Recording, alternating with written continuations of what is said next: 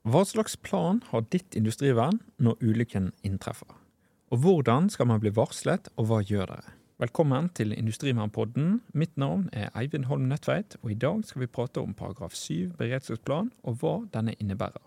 Her vil du få gode tips til hva som skal til for å lage en god plan. Så god lytting.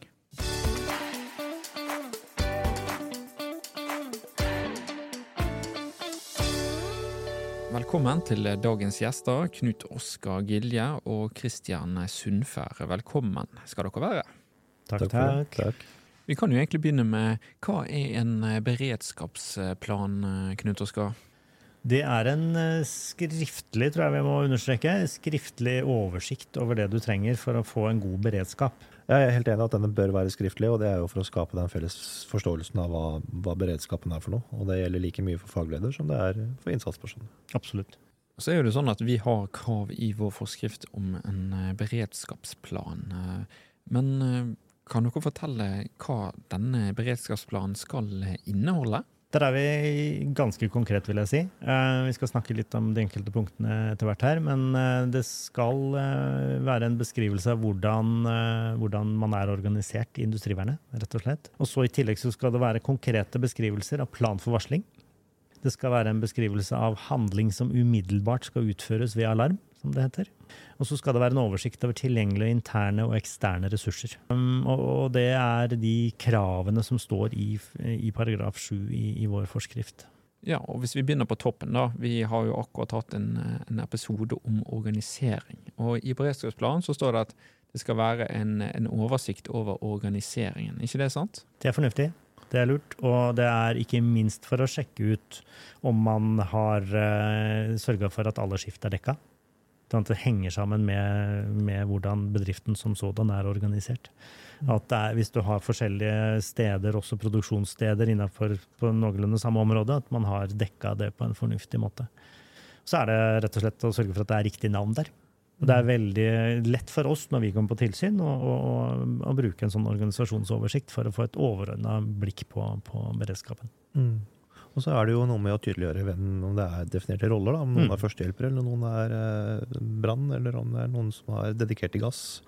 Eh, så er det viktig å få frem det, så alle har den samme forståelsen av hvem som gjør hva. Ja, det er jo sant. Og det er jo sånn at eh, videre i uh, denne beredskapsplanen så står det også i krav om at det skal være en plan for varsling. Og, og det er viktig å bli varslet når ting inntreffer. Men hva innebærer varsling, plan for varsling? Ja, Det skal jo være en prosedyre som sikrer en eh, rask og effektiv varsling av industrivernet, så at de raskt kommer i innsats. Eh, og her er det jo klart eh, viktig å understreke at det er ikke noe fasitsvar på hvordan dette skal fungere. Det er ulik tilnærming i de forskjellige virksomhetene vi er og besøker. Og, og det er ikke dermed sagt at vi kan overføre fra ett sted til et annet et. og det er jo at man må finne det som passer best for egen virksomhet. Og da er det klart viktig å teste det ut i form av øvelser og sånne Absolutt, ting. Ja. Og øvelser er igjen da, svaret. Altså Varslingsøvelser er en, en, veldig effektiv måte for å sjekke om det du har uh, funnet fram til, er en god løsning. Hva kan være utfordringen eh, der? Kan f.eks. ringelister være en utfordring? utfordring? Ja, Ringelister er jo sikkert lurt, men det tar forferdelig lang tid hvis ja. du skal ringe ett og ett nummer. Det fins nå tjenester du kan kjøpe, løsninger du kan ha av teknisk karakter, for å få varsle mange samtidig. Eh, det kan være rett og slett alarmknapper som, som utløser en alarm uh, i et lokale. Det kan være lyssignaler som kombinerer for å fortelle hva som har skjedd. Uh, vært på et par steder nå med, hvor de rett og slett har valgt å ha et trykklufthorn. Det bare fyrer av ute i lokalet. Det betyr prikk, prikk, prikk. For det er jo kjempeviktig. Hvis du har uh, varsling med lyd og, og, lys, så må folk forstå hva de betyr. Mm. De varslingssignalene. Og så er det viktig å, å, skille på hva som er varsling av industrivernet, og hva som er varsling internt i industrivernet. Mm. Uh, for det er jo ikke nødvendigvis likt. Nei, Nei ikke sant? Og, og så er det jo liksom brannklokker. Det kan alle. Uh, noen bruker jo det som en sånn generell eh, alarm, et alarmsignal, eh, hvor man kanskje har et felles oppmøtested uansett hva som skjer. Men, men, for de fleste så er det fornuftig å vurdere ulike varslingssystemer for, eller varslingsrutiner for ulike typer hendelser. Og så er det som du er inne på, Kristian, dette med å varsle internt i industrivernet. Ja, det blir kanskje en annen skål. Noen har jo at man har et felles oppmøtested veldig ofte i nærheten av en brannvarslingssentral, sånn at man kan se hvis det er en brannmelding, hvor det er, hvor mange meldere osv., så videre, sånn at man kan planlegge en innsats så fort som mulig. Eh, andre ganger så må man eh, tenke gjennom burde vi hatt et system for varsling av personskader. Det ser vi det er mange som ikke har tenkt gjennom. Så er, det er en liten gjenganger. Og så skal vi også ta med, eh, for det høres ut som det ikke skal varsles eksternt. Selvfølgelig skal ekstern varsling også med på disse planene for varsling. Eh, og så er det da diskusjoner om du skal varsle først eller etterpå, eller hva det er for noe. Det legger vi oss rett og slett ikke opp i. Der må dere tenke gjennom eh, en løsning som er effektiv for dere. Jeg vil si at det kan være et unntak på, på dette med personskade. Der må 113 raskt på banen. Så det å, tenke gjennom, teste litt, hvordan kan vi best mulig eh, få varsla de som bør varsles, så fort som overhodet mulig. Kanskje samtidig. For en, en, en, førstehjelper som kan gå i umiddelbar innsats, er en usedvanlig viktig faktor for å holde folk i live. Altså. Mm. Det, det, vet vi mye om. Ja, og det handler jo litt om å bryte denne såkalte kurven. og det, det finnes jo utfordringer i forhold til å faktisk ikke bli varslet. Det er jo litt skummelt. Ja, og Da er det viktig å øve. Eh, teste, finne de åpenbare feilene og justere deretter. Så man finner et, et mm. system som fungerer godt. Eh, det er som man har vært inne på, at eh, trykkhorn det er jo noe som man kan høre, men kanskje er de inne på et rom hvor det er mye støy, eller de mm. er ute på området og ikke får med seg denne lyden. da.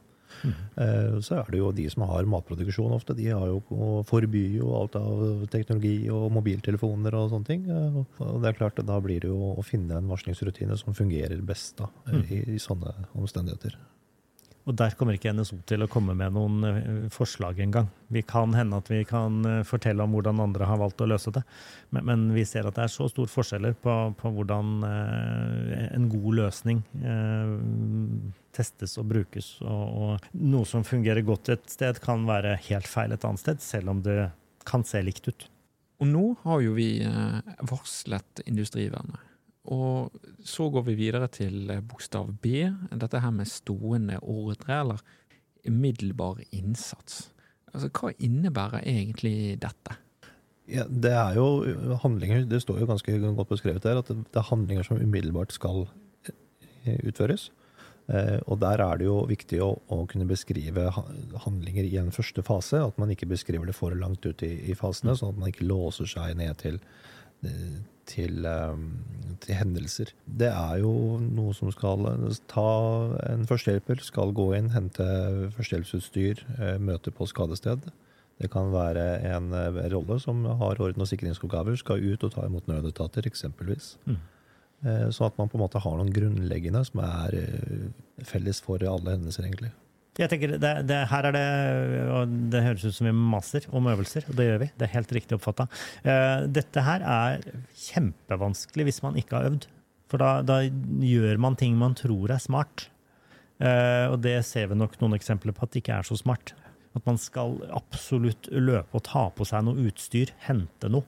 Så passerer du kanskje et skadested fordi du har plassert utstyret rart, uh, på et rart hjørne eller en container eller hva, hva det er for noe. Er, disse handlingene er veldig tidskritiske. Et oppmøtested uh, er ikke sikkert at det er riktig i alle typer hendelser, så dette må dere teste ut. Uh, men hvorfor må jeg løpe dit for å hente utstyret mitt? Det er jo kjempedumt. Jeg kan ha det i nærheten av der jeg jobber. ja, det kan du, og det må du. Og, og, sentralt plassert utstyr, ja, er det, er det sentralt, eller er det bare der det var plass?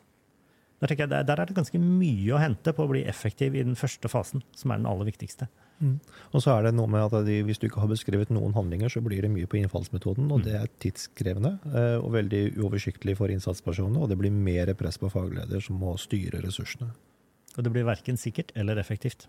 Ja, Så det er jo viktig at eh, innsatspersonene de vet hva de skal gjøre når alarmen eh, går. Eh, videre så har vi kommet til bokstav C, og det går jo på dette med interne og eksterne ressurser. Hva innebærer egentlig eh, dette? Det var litt som jeg var innom nettopp. At du, du, vet hva slags utstyr du har tilgjengelig. Eh, og så igjen dette her med plasseringen av det. Altså, du, du, du, må ikke bli hefta unødvendig fordi du skal hente noe som kanskje egentlig ikke er så nyttig. Og det, det, dette her igjen, dette finner du bare ut gjennom å øve. Nei, Kanskje ikke du trengte noen egen bukse, du trengte ikke noen egen jakke, du trengte ikke noe som helst. Du skulle bare møte på stedet, ha med deg en førstehjelpskoffert, f.eks. Og så, og så er det selvfølgelig det som er eh, et sånt samvirkeelement og samhandlingselement. det er jo det Du må vite hvem som er i nærheten. Mm. Er det andre virksomheter som har industrivern, som du da uh, har snakka med på forhånd? For det er et krav. Uh, eller hva er det du kan forvente deg av nødetater som kommer inn med blålys på taket? Ja, forvente, altså Hvor lang tid de, de tar? Ja, det òg. Hva de kan. Ja. Eh, har, de, eh, har lokale brann- og redningsvesenet røykdykkere, hvis det er det som er et krav? Har de ikke det? Har de kjemdykkere, som vi vet er en, veldig etterspurt eh, tjeneste? altså Folk som da kan gå inn i farlige atmosfærer, giftige atmosfærer pga. en kjemikalie- eller gasslekkasje. Veldig viktig for hvordan du skal planlegge både en evakuering og en, en innsats i, i første fase. Mm. Og så er det mye med dette her at mange har spesialkompetanser og spesialkjemikalier som ikke mm. nødvendigvis nødetatene er rusta til å håndtere. Og da må man kanskje ha det selv. Da, ikke sant? Et eksempel på det er flussyre, hvor mm. Eh, nødetatene ikke har den kompetansen nødvendigvis. Da. Og Her kommer jo også inn dette med sykehus. Eh, sant? Eh, dette med at de er kjent med at f.eks. denne virksomheten har dette type stoff. Ok, Hva gjør man da? Veldig godt eksempel på, på det å, å, forberede nødetatene på mulige hendelser. Og ja, det er veldig mye spesielt der ute. og Jeg flira litt i stad på dette med flussyre, for det er sånn Donald-stoff, som jeg kaller det. Altså, som, som, er så farlig at det er ikke til å tro. Men de som har det, de kan jo håndtere det. Men, men det, er, eh, det, krever jo en helt spesiell uh, motgift, for å kalle det det. Uh, så, så det, det, er et eksempel som er ganske godt i forhold til krav til spesialkompetanse. Og som du var inne på, dette med, med å ha snakket sammen på forhånd. Også da med, mot helsetjenesten. Mm. Ofte ser vi jo at virksomhetene har ikke bare kompetansen, men de har også gjort klart utstyrspakker mm. som sendes med ambulansen hvis det skal være noen som er utsatt for, eh, mm. for disse, disse kjemikaliene.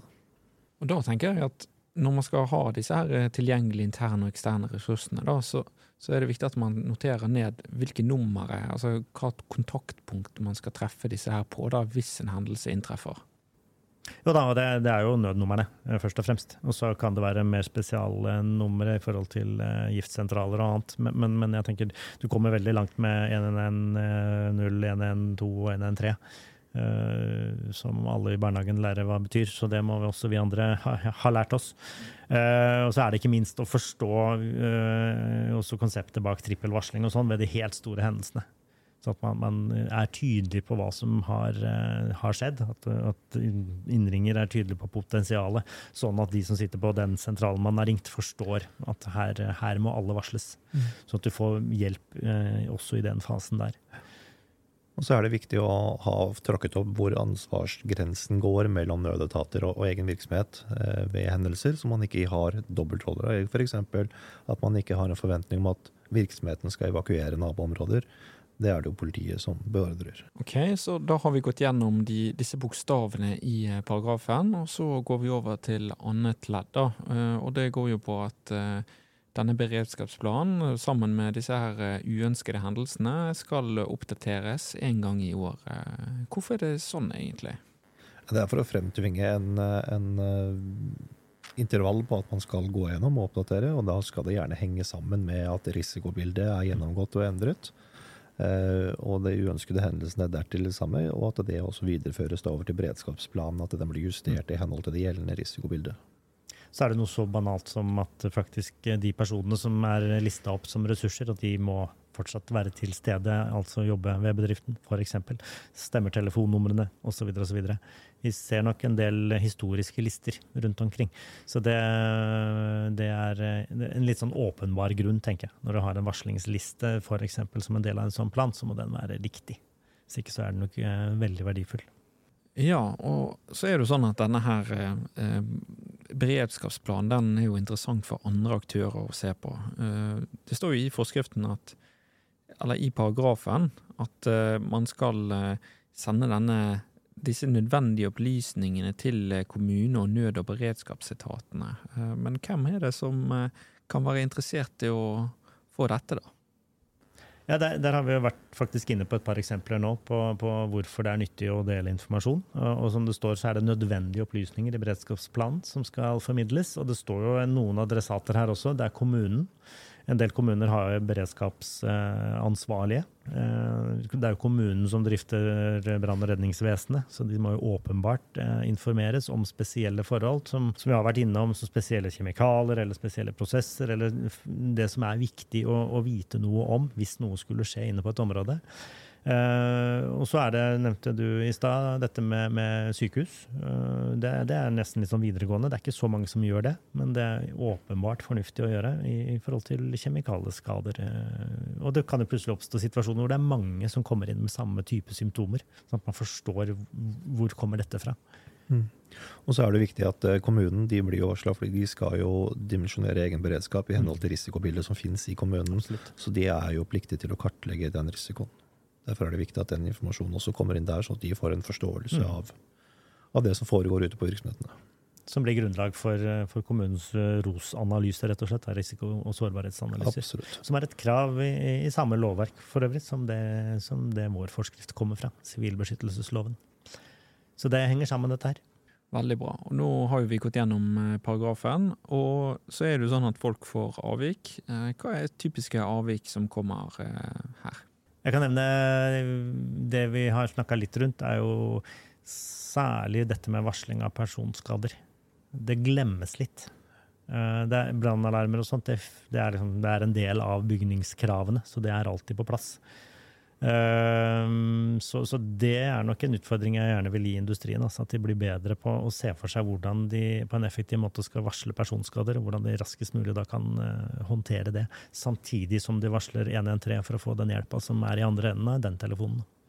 Og så er det den systematiske delen i forhold til å gjennomgå og oppdatere beredskapsplanen. Mm. Den er det jo en del avvik på. Og så er det det at det ikke sendes inn da, til, til kommunene og nød- og beredskapsetatene Eh, som vi jobber aktivt med da, for å få bedring på. Eh, mm. Også fra vår side, at vi kanskje ser på hvordan dette her kan gjøres på en, på en god måte. Ja. ja. det handler om å gjøre hverandre gode. og jeg tenker jo at uh, Dette her er jo et godt utgangspunkt for de andre aktørene som skal komme inn og hjelpe dere for å få en god oversikt over hva risiko eller hva de måtte kunne håndtere der. da. Og Det er jo en forutsetning for å gjøre en god jobb. da. Så her er veldig lurt. Ja, Da er det jo et tips fra vår side at bruk en forenklet mal. Vi har jo bl.a. en på våre hjemmesider som mm. kan benyttes. Og ikke send en 120 siders langs beredskapsplan inn, for den, den, vil ikke bli lest, og det informasjonen er vanskelig å plukke ut. Mm. Supert. Da tenker jeg at vi eh, runder av. Tusen takk for at du har lyttet på denne episoden om eh, beredskapsplan. I neste episode så skal vi snakke om utstyr, så da håper jeg du følger med. Takk for nå.